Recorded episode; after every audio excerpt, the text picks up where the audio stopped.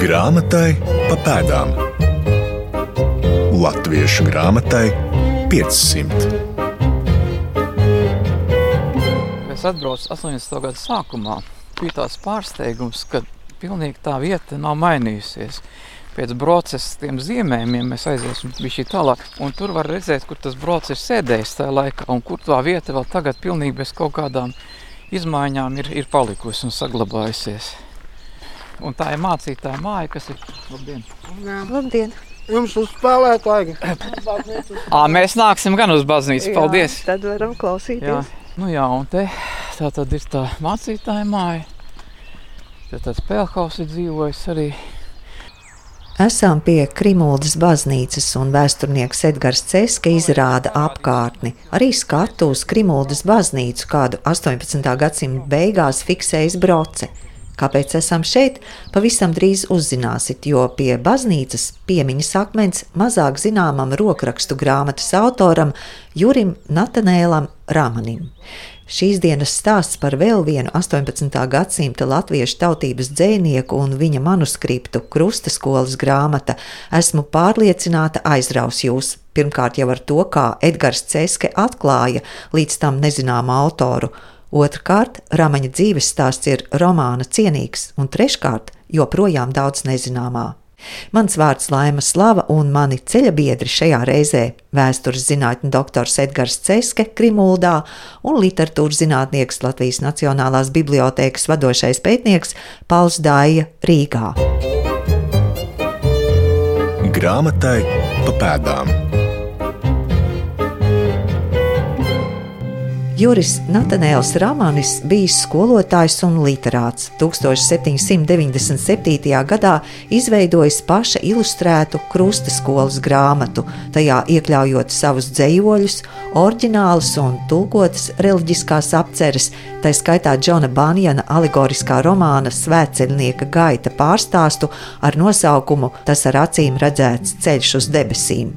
Manuskripts saglabājies trijos norakstos. Savukārt mums 21. gadsimtā iespēja lasīt krusta skolas grāmatas transkripciju, jo 1995. gadā ar Edgara Ceskas priekšvārdu un komentāriem, kā arī ar Skaidrītas Sirsonis un Valda Villeruša rakstiem izdota grāmata. Bet tagad Atgriežamies Krimuldā, kur aptuveni desmit gadus no 1769.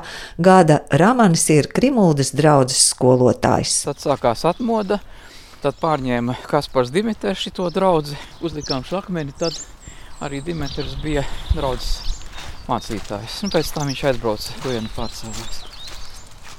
Nu, Edgars Ceska rāda netālu no Krimuldas baznīcas 1993. gadā atklāto piemiņas akmeni Jurim Natanēlam Ramanim, ko darināja stelnieks Vilnis Titāns. Redziet, te ir burti. Jā. Te ir tā krustaskolas grāmata, te ir pat ilustrācija. Natanēls Ramanis, jā, kaut kādi burti ir, bet šitā ir diezgan nejēdzīga tāda sūna, viņa grūti nokasām tā pelēkā. Un tas ir dzimšanas gads, jā. Tas ir dzimšanas gads, tas ir miršanas gads. Nu, cilvēki domā, ka viņš ir apglabāts. Viņš te nav apglabāts, tas ir kenotafs. Kenotafs kaps bez abedījuma. Zināms, ka Rāmanis dzimis 1742. vai 43. gadā, bijis precējies ar Jērkulis mūžas mešsarga meitu Helēnu Kristiānu Frišenfeldi, bijis trīs bērnu tēvs, ieredzēts skolotājs, bet par viņa dzīves noslēgumu gan nekas nav zināms. Tagad aiziesim, varbūt bišķi tālāk. Rāmanis, viņš bija skolotājs, skolmeistars. Tas notika Jā, šeit, tas bija šeit. Viņš bija, kur redziet, to mēs nevaram zināt. Iespējams, ka tā skola atradās kaut kur tuvumā šeit, bet konkrēti kur, varbūt uz to pusi, kur tā ķestermāja tagad ir, mm, vai 19. gadsimtā bija Jo bija tāds noteikums, tas Zviedru laikos jau bija. Tas likums bija izdots 1680. gados, kad eh, skolotājiem jādod zeme, jo skolotājus tajā laikā nealgo ar augu, jo nauda nebija tāda apgrozībā kā tagad. Nauda nebija tāda nozīme. Un skolotājiem iedeva zemi, eh, lai viņš no šīs zemes varētu pārtikt. Nu, viņam būtu saimniecība, tur lopi, viņš varētu kaut ko audzēt, piemēram, labību un ar ģimeni no šīs zemes pārtikt. Un iespējams, ka Kaut kur tas bija ķestera mājas rajonā, ja praktizēja tā, nu, mūža, tā tad, ja, baznīca, tas bija kaut kur saistībā ar šo, nu, zemes īpašumu, mūža zemes īpašumu. Dabiski, ka viņam neiedeva kaut kur mežā, kaut kādā meža vidū to zemes gabalu, bet tūmā kaut kur baznīcai, es tā domāju, bet precīzi, kur tā vieta bijusi, mēs nevaram pateikt, tikai fakts ir fakts, ka te ir bijusi skola, un vēl kas, kad eh, skolotājs skatoties tādu zemnieku mērogos, skolotājs bija tāds diezgan elitāra persona. Nu, ja ne gluži mācītājiem labā roka, tad tūtam. Pēc tām ierakstiem baznīcas grāmatām var arī nu, nedaudz secināt, ka attiecības starp skolotāju un mācītāju sākumā bijušas pat ļoti labas. Par to liecina ieraksti baznīcas grāmatā, jo Ramaņa meita un vecākais dēls nosaukti mācītāja Pelhava un viņa māsas vārdos. Tā tad ir viņu krustbērni. Tas liecina par sākotnēji labvēlīgām, pat draudzīgām attiecībām starp mācītāju un draugu skolotāju. Un piedzimst jaunākais dēls un ieraksta mācītājs, tas pats, kas bija krustēls, ja vecākā bērna krustēls, mācītājs ieraksta, kad ir tēvs ir Ferzasene, apgezeste un Fertraibene, skolēts Šumers Tarnāman. Tātad padzītais, nolaidīgais apsēsties un padzītais apsēsties, tas ir tāds bišķī, tā sakot, prātā tērētais skolotājs Ramans. Tātad tajā brīdī, 778. gadā, jau attiecības bija ļoti sliktas. Kāpēc viņiem tās attiecības samaitāja, to es nezinu. Iespējams, tas bija saistīts ar kaut kādu 777. gadā bija zemnieku nemieru cēs apkārtnē, un tur bija ķikuļākaps iesaistīts un tā tālāk. Iespējams, ka viņš kaut kādā veidā kaut kādu demonstrāciju ir veicis šeit, vai nu dievkalpojuma laikā, vai nu pie baznīcas ārpus dievkalpojuma, to mēs nezinām. Bet fakts ir fakts, ka uh, mācītājs ir uzrakstījis ziņojumu, nu, kur pienākās nu, priekšniecībai. Un pēc tam ir atnācis tāda pavēle, ko es arī lasīju šo pavēli. Bet tad tas bija Helmerzens, kas bija Krimūdas mužas dzimtskungs tajā laikā, barons. Un Helmerzam bija rakstījis ģenerāla gubernators Brauns pašodzīgi, bija rakstījis, ka lai gan šis skolmeistars ir no vietas ir jau padzīts, tad tomēr šis pārkāpums ir pārāk liels, lai viņu tā, tas sakot, atlaistu un eh, viņam ir jāstiek sodītam ar paraugu sodu. Kāds tas paraugs sods bija, ko ar viņu darīja, vai arestēja, vai, vai ko darīja, mēs arī nezinām, jo tādi dokumenti pagaidām nav atrasti. Esam nonākuši pie Krimūdas baznīcas. Mūsu sastaptais mūziķis baznīcā spēlē ģitāru, tāpēc mēs paliekam priekšstāvā. Nu, bet tad mēs varam iztēloties, ka Rāmans šeit nāca. Noteikti, obligāti. Baznīcu. Viņš te nāca, jo viņam tas bija vienkārši dienesta pienākums, jo skolotājs viņš bija tā kā baznīcas nu, mācītājiem, var teikt, labā roka. Gandrīz nu, pērminderis bija un arī skolotājs. Un uh, skolotājs, kā jau es teicu, viņš organizēja bērnus, viņš organizēja dziedāšanu, viņš varēja arī, teiksim, kaut ko tur lasīt, kādus lasījumus. Vai arī, piemēram, ja tās bija bērns, ja tās nebija tāda ļoti svarīga cilvēka, bagātnieka, tur mužnieka bērns, tad viņš arī apbērēja, turēja visu to līķuru, un kā toreiz teica. Jā, un vēl es gribētu pateikt, ka skolotājs dabūja zemi. Viņam pēc likuma pienācās zeme, un tā zeme bija apmēram viena ceturtā daļa arkla caurmērā. Nu, citur vairāk, citur mazāk. Nu, caurmērā viņa varētu būt kaut ko 25, varbūt līdz 30 hektāri, kas ir vidēja zemnieka saimniecība. Pie tam skolotājiem pašam nebija jāstrādā. Viņš ņēma kalpus, viņš apstrādāja, viņam deva mācītājus, varbūt dzimtzemniekus, kas apstrādāja viņam zemi. Tā kā skolotāja dzīve bija diezgan tāda, nu, neteiksim, ka slikta. Ja nu katrā gadījumā labāka nekā dzimtcilvēka dzīve. Un mēs varētu uzskatīt, ka tas ir diezgan elitārs stāvoklis. Un viņš no šī elitārā stāvokļa pēc 1778. gada vienkārši nokrīt ļoti zemu. Nu, tas laikam būtu pārāk skaļi teikt, ka viņš bija disidents. Lai gan pēc būtības viņš bija disidents, viņš varbūt to neapzinājās. Bet viņš noteikti bija tas nonkonformists. Tas ir tas, kas nepieņēma kaut kādus teiksim, lietas, kas bija tajā laikā vispār pieņemtas, ko darīja mācītājs, ko darīja mužniecība attiecībā pret zemniekiem. Kaut kas viņam tur nepatika, kaut ko viņš tā sakot, vai nu apzināti, vai neapzināti, vai skaļi vai klusu pateica. Un uz šī zemnieku nemiera fona, kad tika vajāti un sēdināti cietumos un Čikuļa Jēkabs pirmais dzēnieks, kas vispār nomira cietumā vai ne. Un uz tā fona, protams, dumpinieks, izlēciens, arestēti. Tur jau gara runa nebija, vai ne? Tu esi pret, pret valdību, tā, tā kā mums labi zināmā lielajā kaimiņu valstī ņem ciet jebkuru, kurš kaut ko iedrošinās pret valdības politiku teikt. Man liekas, ka tur arī tas līdzīgi bija šajā gadījumā tā visā. Izpētes augsne Latviešu grāmatai 500 kādā no iepriekšējiem raidījumiem stāstījām par ķikuļa jēkabu un viņa dziesmām.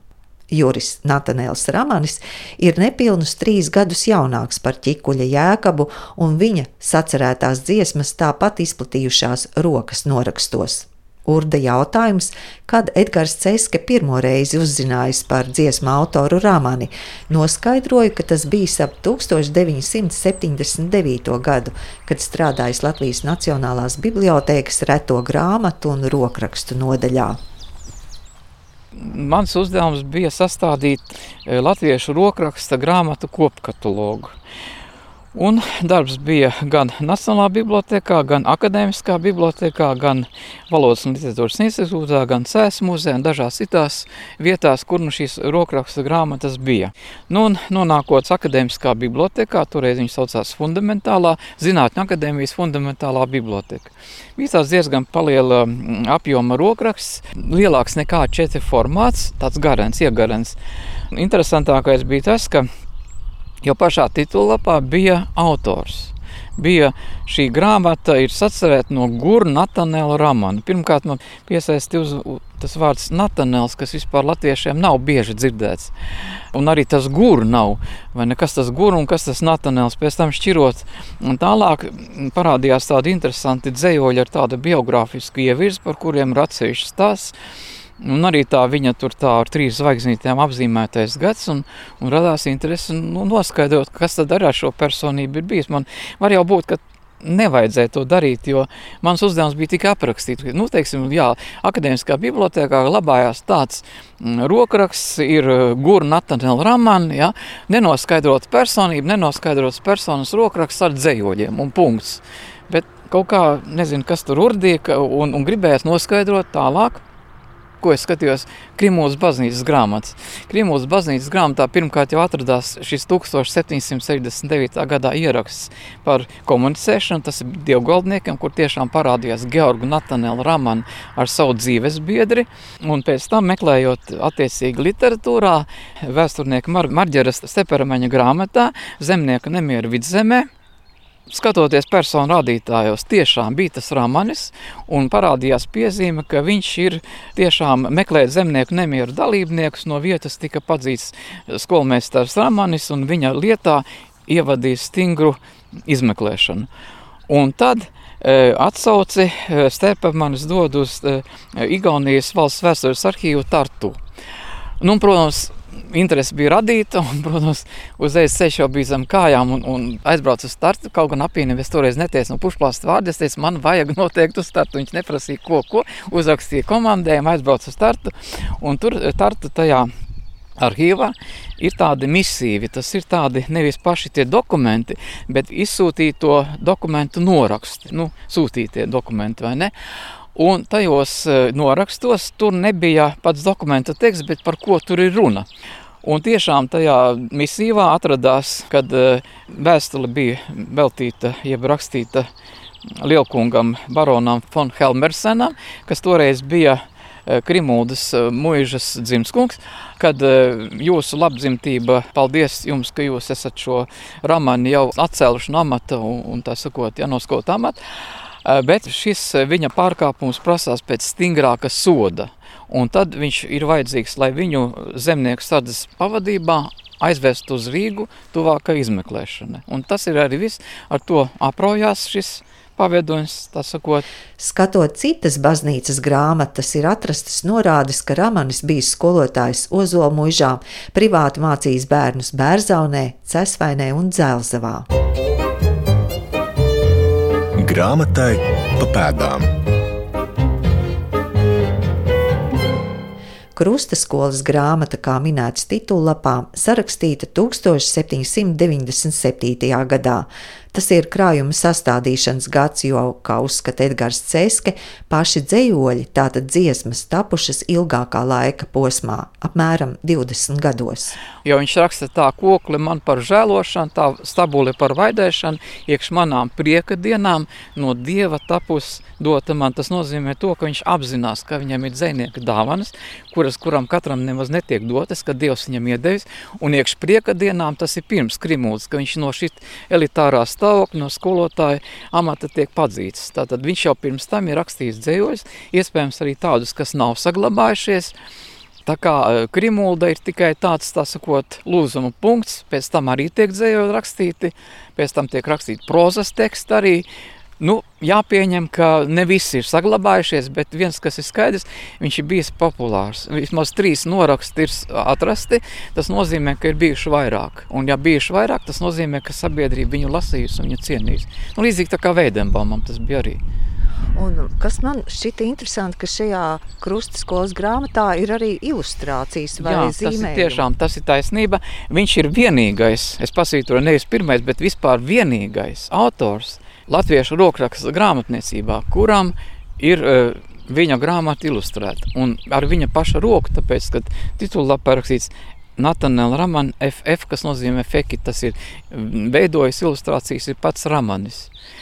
Nu, atkal ir jautājums, vai tas uh, akadēmiskās, jeb fundamentālās bibliotekas eksemplārs, manuskripta numurs 1065, viņš tiešām ir ar ramaņu roku rakstīts, jo te ir tādas dažas kļūdas, kuras norāda, ka to it kā autors pats varētu nebūt rakstījis. Bet rokraksts ir ārkārtīgi precīzs, kaligrāfisks, ilustrācijas ļoti perfekti izstrādātas, tā kā mums mm, pilnīgi jādomā, kādas tad bija tās autora oriģinālās ilustrācijas. Nu, cerēsim, ka varbūt nākotnē izdosies atrast atrast vēl kaut kādus citus dokumentus par romānu. Bet jā, man liekas, ka mēs tiešām esam ieguvuši tādu ļoti izcilu personību 18. gadsimta rokrakstu literatūrā. Un arī, kā Skaidrītas Irsona literatūras zinātniece norāda, tajā grāmatā, kad viņš ir bijis arī labs dzēnieks. Viņš ir talantīgs dzēnieks, arī bijis bez visa tā. Viņš, protams, ir bijis ļoti ticīgs, reliģios, tas ir skaidrs, bet viņam bija tāds poetisms, viņam bija ritma izjūta, atskaņa izjūta. Un viņš ir ietekmējies no Fīrekera, no Bībeles izteicieniem. Nu, tāds varētu teikt, ne jau gluži grafomāns. Ja, Tātad tiešām talantīgs, apdāvināts cilvēks. Juris Natanēls dzimis skolotāja ģimenē. Arī vidējais brālis skolotājs, bet tēva brālis Indriķis Ramanis bijis Allažu mūžas pārvaldnieks. Lūk, šis tēva brālis, kurš nu, diezgan augstu karjeru taisa, un tā var teikt, jau tādos vāciešos bišķīt jau ieplūst, vai ne? Viņam pretī tad šis pazudušais dēls Juris Natanēls, kurš tiek izstumts no ģimenes, izstumts no uh, vides, tikai par to, ka viņš acīm redzot ir aizstāvējis latviešu, latviešu tautu. Bet tā. varam droši teikt, ka viņš arī pats bija Latvijas. Es domāju, ka jā. Nu, teorētiski varētu pieņemt, ka viņš varētu būt arī vāc, mazvācietis. Bet mazvācieši tajos laikos, kā likums, visi bija amatnieki. Un viņi bija diezgan maz izglītoti. Viņi bija ārkārtīgi, var teikt, norobežot no latviešu etnosa.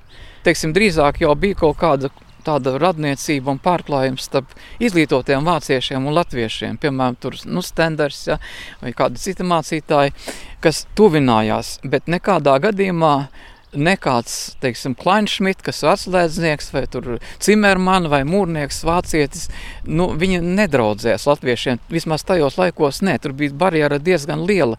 Un tas, kad, eh, piemēram, kāds mazvācietis iedomātos latviešu pirmkārt ne tikai runāt, bet arī dzējot un rakstīt un pavairot savu, nu, tas bija, manuprāt, diezgan masticami.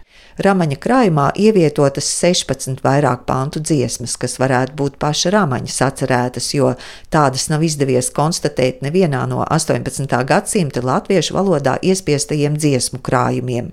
Neapšaubāmi Ramaņas atcerētas ir dziesmas ar autobiogrāfisku nokrāsu. Minēts pētījumā, un Edgars Ceska norāda, ka rāmaņa dziesmas bija ķecerīgas. Viņš pat netik daudz par dievu raksta, viņš eh, sūdzās, ne draugs, ne rats man neatzīst, kam laba darīt nepazīst.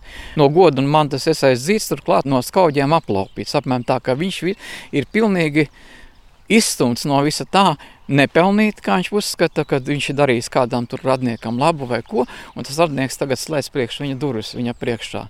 Un, un tas, kad viņš ir pirmais arī dzinieks, kas tādu personīgu biogrāfiju ir ierakstījis savā, savā dzējā, tas arī ir. Dziesmās skarts sociālais moments, kas tajos laikos nedaudz atvieglināja ceļu rokrakstu grāmatai. Dziesma no taisnības dziedama. Atklājam tekstus!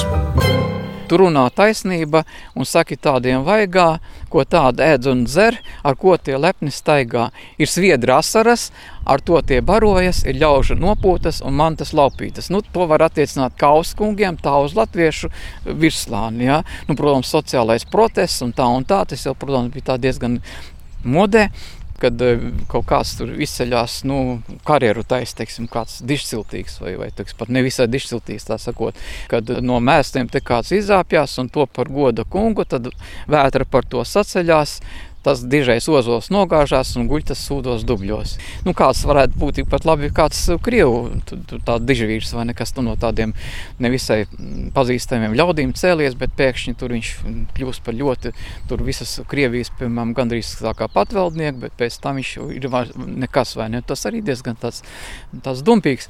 Toreiz tas tā varbūt izskanēja, bet es gribētu vēl vienu lietu akcentēt, ka viņš tomēr uztver latviešu tautu kā vienotu tādu etnisku kopību, etnisku sociālu. Viņš raksta, bet vispriekš dieva klātesamība, viņa sargāšana, lai ir un paliek tai bēdīgā latviešu cienai, tiem mīļiem krusta skolas brāļiem un māsām. Tad ne vis, visiem ticīga, bet speciāli izceļ latviešus kā visvairāk apspiesto dzimtu cilvēku kārtu, kad lai viņiem tieši tas dod, tā sakot, nāk labākas dienas. Artefakta gaismā. Rāmaņa manuskriptā Krustaskolas grāmata ne tikai dzēja, tajā arī tulkotas reliģiskas apceres, tā skaitā Džona Banjana romāna Svētceļnieka gaita pārstāsts ar nosaukumu Tas ar acīm redzēts ceļš uz debesīm. Dodos uz Latvijas Nacionālo bibliotēku, lai tiktos ar vadošo pētnieku Paulu Dāju, kurš interesējies par 18. gadsimta tulkošanas vēsturi. Jā, viens teksts, par kuru ir vērts šodien atcerēties un pastāstīt vairāk, ir Krusta skolas grāmatā lasāmais stāsts. Tas ar acīm redzēts ceļš uz debesīm. Šim stāstam ir ļoti īpaša vēsture. Tas ir tulkojums no angļu rakstnieka Džona Banjana slavenā darba The Pilgrim's Progress, ko mēs šodien latviešu pazīstam kā svētceļnieka taku, reizēm arī svētceļnieka gaitu. Kā īsti šis teksts ir nokļuvis krustu skolas grāmatā, mēs eh, nezinām. Iespējams, Ramanis to ir tulkojis pats, iespējams, viņš ir izmantojis kādu citu rokrakstu, ko pārrakstījis. Turklāt visdrīzāk šis teksts ir tulkots no vācu valodas. Tātad vispirms tas tapu angļu valodā, pēc tam tika pārtulkots vāciski un tad visbeidzot latviešu. Bet uh, Edgars Ceska, kurš ir pamatīgāk pētījis uh, šī teksta vēsturi, viņš ir pārliecinājies, ka tas visdrīzāk nav tulkots ne no viena tolaika iespiestā vācu tulkojuma. Iespējams, ka ir eksistējis kāds vācu rokraksts kurš ir bijis vai nu ramaņa vai nezināmā uh, latviešu tulkotāja rīcībā. Un tā man liekas ļoti interesanta iezīme, ka šeit paveras tas aizraujošais lauks. Mēs tik maz zinām, mūsu priekšā ir rokraksts, bet par ļoti daudz ko mēs varam izteikt tikai hipotēzes vai minējumus. Kā jūs saprotat, šis fragments, kas ir no Banjana romāna, tas ir arī kaut kādā veidā pārstāstīts, saīsināts. Tas, tā ir viena nodaļa tikai. Banjana romāns sastāv no divām daļām. Latviešu versijai ir izmantota pirmā daļa, bet ievērojami saīsināta. Ļoti daudz īsinājumu, ļoti daudz pārveidojumu. Kaut kas ir pievienots klāt, kaut kas ir atmests. Nu, atkal šeit mēs nonākam pie 18. gadsimta tulkošanas vēstures un arī tulkojuma teorijām. Un jāatceras, ka 18. gadsimtā valdīja priekšstats, eh, ka tāds autentisks, precīzs tulkojums tā varbūt nav pati vērtīgākā lieta. Tulkotājiem ir jātur acu priekšā viņa auditorija. Protams, 17. gadsimta beigu eh, sabiedrība Anglijā un 18. gadsimta beigu latviešu lasītāju vidzemē ļoti dažādas auditorijas. Ramaņa versija tā, kas lasām krustskolas grāmatā. Tas ir pirmais brīdis, kad latvieši iepazīstas ar šo slaveno darbu. Vismaz pirmais brīdis, par kuru ir saglabājušās liecības. Un ir zināms, ka šis darbs Latviskajā versijā visvairāk ir arī izplatījies hanhūtiešu vidū norakstos. Mēs zinām, ka pats Ramanis nebija hanhūtietis. Bet pateicoties hanhūtiešu rokrakstu literatūras jau ļoti stipri nostiprinātajai tradīcijai, tie bija tieši hanhūtieši, kas lasīja šo tekstu, pārakstīja. Ir saglabājušies vairāki noraksti, viens Pētera Baidiņa. Rokraksta grāmatā ir arī apskatāms izstādē modināšana Nacionālajā bibliotekā. Banjans, protams, 17. gadsimta beigas, tas ir laiks pirms hanhūtiešiem. Bet latviskajā tulkojumā mēs varam pamanīt tieši attiecībā uz tekstu poētiku tādas iezīmes, kas ir raksturīgas hanhūtiešu tekstiem. Īpaši garīgajām dziesmām, piemēram, kad tiek runāts par Jēzu, tiek uzsvērtas uh, asinis un brūces, kas hanhūtiešu uh, tādā poētiskajā iztēlē bija ļoti, ļoti nozīmīgas. Nu, šāda veida papildinājumi liek domāt, ka šis tulkotājs ir tekstu padarījis saprotamāku, tuvāku hanhūtiešu pasaules izjūtai, varbūt arī veidojis to tēlainību atpazīstamāku tam, pie kā hanhūtieši bija pieraduši. Un ļoti interesanta arī tāda filoloģiska nianses, kas arī rāda, kā teksts ir pārveidots un varbūt padarīts hanhūtiešiem saprotamāks. Ir tā, ka angļu oriģinālā darbība norisinās trešajā personā. Galvenais varonis, kristietis, kurš atrodas ceļā, tiek aprakstīts it kā no malas. Latviešu tekstā viņš vēstīja par sevi pirmajā personā. Un mēs zinām, ka hanhūtiešu lasītāji bija ieraduši eh, pirmās personas vēstījumus lasīt dzīves stāstos, draudzes locekļu dzīves stāstos, ko rakstīja gan vīrieši, gan sievietes. Un šeit arī šis teksts tiek padarīts tuvāks hanhūtiskajai pasaules uztverei, tiek padarīts līdzīgāks dzīves stāstiem. Tātad Varonis stāsta pats par savu garīgo reliģisko pieredzi, gluži kā varētu stāstīt jebkurš no hanhūtiešiem, tajā skaitā latviešu zemniekiem, kad viņš apraksta savu dzīvi. Tad mēs varam sliekties domāt, ka tomēr tas tulkotājs un uh, šī teksta latviskā varianta autors bija Hernhūtietis. Tāda iespēja galīgi nav izslēgta, un atcerēsimies, ka pa vidu jau ir arī vācu starptulkojums. Pētniecībā Paulu Dāju ieinteresēja angļu literatūras iespējas, un pārliecināsimies, cik tas acīm redzams. Un ļoti interesanti, ka to pašu laiku, kaut kad 19. gadsimta pirmajos gados, jau Hernhūtiešu vidū rokrakstos cirkulē arī Merķeļa latviešu pārstrādāts tulkojums latviešu. Tas, protams, ir vesels atsevišķs stāsts. Bet eh, ļoti interesanti, ka paiet apmēram 40 gadi, un ar 1843. gadu ir datēts Hernhūtiešu ģimenē augušā dzēnieka Jāņa Ruģēna manuskripts, kas saucas ar acīm redzēts ceļš uz vidzemes debesīm. Mums ir pieejami vairāki noraksti, kas savā starpā nu, gandrīz sakrīt. Tas nozīmē, ka tie būs precīzi noraksti no uh, oriģināla. Un, protams, jo vairāk šādiem rokrakstu literatūras darbiem ir šie noraksti saglabājušies, jo augstāka ticamība, ka tie tik plaši lasīti, cirkulēja, un mēs jau pat nevaram stādīties priekšā to norakstu skaitu. Uh, kāds patiešām eksistē, tie, kas ir saglabājušies līdz mūsdienām, ir tikai daži. Un uh, Rāmaņā Krustaskolas grāmata arī figurēja Hernhūtiešu norakstos. Jā, arī. Un uh, viens no šādiem norakstiem, es jau pieminēju, ir eksponēts mūsu izstādē. Tā ir Pētera Baideņa rokraksta grāmata, kurā ir dažādi teksti. Un viens no tekstiem ir arī tas ar acīm redzēts ceļš uz debesīm. Tad mēs to noteikti iesim vēlreiz apskatīt. Iesim apskatīt un, un arī parunāsim par to. Jā. Grāmatai pa pēdām.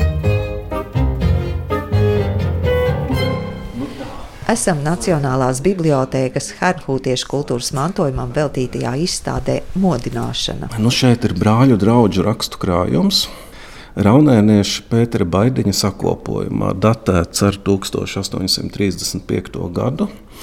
Var redzēt, ka šī nav vienkārši burtnīca, bet īsta rokraksta grāmata, ko pa gabalu ienākot izstādē mēs pat nevarētu atšķirt no iespiestās grāmatas, protams.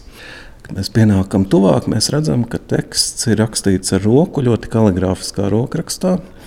Un vienu lapusi no šī teksta ievadvārdus mēs arī uzdrukājām uz sienas, lai būtu iespējams mēģināt salasīt tekstu, kas rakstīts ar latīņu burtiem, bet, protams, vecajā ortogrāfijā. Mēs redzam, ka šajā rindiņā ir pieminēts tas ar acīm, redzēts ceļš uz debesīm. Tas, ko mēs redzam, ka tur ir tinta straips, rokraksts ir ļoti kaligrāfisks, bet tieši pieminot šo darbu, tā roka ir notrīcējusi.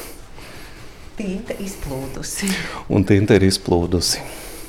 Nu, tā tā ka lūk, šāda 19. gadsimta sākuma rokraksta grāmata, sadzeltējušas lapas un aizraujoši aptvert, ka tajā lasāms arī angļu literatūras bestsellers. Un lūk, šeit ir Jāņa Ruģēna ar acīm redzēts ceļš uz vidzemes debesīm. Vieta nav zināma, laiks 40. gadu otrā puse, visticamāk, runa ir par 19. gadsimtu, jo manuskripta oriģināls tapa 1843. gadā. Bet jā, šeit ir redzams teksts, kur angļu puritānis Banjēns satiekas ar vidzemes apgaismotāju Merķeli. Jā, un Ramanis varbūt ir to veicinājis, šo sastapšanos. Ramanis to noteikti ir veicinājis, jo Ruģēnam pilnīgi noteikti vai no Ramaņa krustskolas grāmata, vai kāds no tās norakstiem bija zināms. Un ļoti interesanti, ka tad, kad latviešu valodā Baņēna darbs pirmo reizi iznāk iespiestā grāmatā, to starp citu sagatavo grāfa Lielmāras Genovevas tulkotājs Ansis Lētāns, viņš izmanto tieši rokrakstu. Un tāds pilnais tulkojums parādās vēl pārdesmit gadus vēlāk. Jūra Natanēla Ramaņa manuskripts Krustaskolas grāmata ir iegājis vidzemes rokraksta grāmatniecības apritē un saglabājušies trīs noraksti. Nu, tagad jautājums, kāpēc viņš netika iespiests? Nu, Loskīla grāmatas varbūt vienīgās, bet vispār arī Henhūtiešu brāļu draugu literatūra 99% ir neiespiesta literatūra. Tāpēc, ka tur bija tādas lietas, nu, tomēr bija konsistorija, bija, teiksim, baznīcas varas iestādes un kaut kāda minimāla cenzūra tomēr pastāvēja. Un tā jau gluži nevarēja. Un tā tad bija šī paralēlā, ko Aleksējs Apiņš arī uzsver, bija paralēlā tāda oficiāla literatūra iespiestā. Un bija arī rokrakstu literatūra. Rokrakstu literatūra tieši tāpēc jau ir izplatījās, ka viņu nevarēja izplatīt iespiestā veidā. Jūs pieminējāt apīni, vai apīnis par šo autoru kaut ko zināja? Iepriekš nē. Iepriekš nezināja ne apīnis, ne arī nekāds cits to nezināja. Jā, Tad tā kā atklājies. Nu, sapcīt, tā diezgan reti gadās, bet dažreiz arī gadās, kad visi tie eh, parametri sakrīt un iznāk tā, kā iznāk. Savu atklājumu un pētījumu Edgars Ceski 1995. gadā apkopojis mūsdienīgā izdevumā Krusta skolas grāmata, ko šajā raidījumā izmantoju un ar aizrautību lasīju. Bet piemiņas akmeni pie Krimuldas baznīcas atklāja 1993. gadā, jo Ramanim, nezināmam latviešu dzēniekam, togad apritēja 250 gadi. Šoruden zināsim jau vairāk, un 280. piemiņas gadā Krimuldā atkal pieminēs literātu un skolotāju Juri Natanēlu Ramani. Par izpēti, braucienu uz Krimuldu un dalīšanos zināšanās lielu paldies saku vēstures zinātņu doktoram Edgaram Ceskem, kā arī literatūras zinātniekam Paulam Dājam. Raidījuma tapšanā līdzdarbojās skaņu operātori Nora Mītspapa, producente Santa Lauga, ar jums sarunājos es Laima Slava. Raidījuma padomdevējs Latvijas Nacionālā bibliotēka. Bet raidījuma noslēgumam izvēlos Edgara Ceskas teikto, ko var attiecināt arī uz citiem vēl neizpētītiem autoriem un tekstiem. Nu, tas viss ir, protams, ļoti interesanti, bet tas atgādina tādu grāmatu ar izplēstām lapām, ka tu lasi, lasi šķiru un šķiru, un pēc tam atkal ir tukšums un tukšums, un tad atkal kaut kas. Tā tas ir. Bet, nu, es domāju, ka te būtu patiesībā darbs literātam, kāds rakstnieks varētu ņemties un rakstīt tādu biogrāfisku, poetisku romānu par šo personību.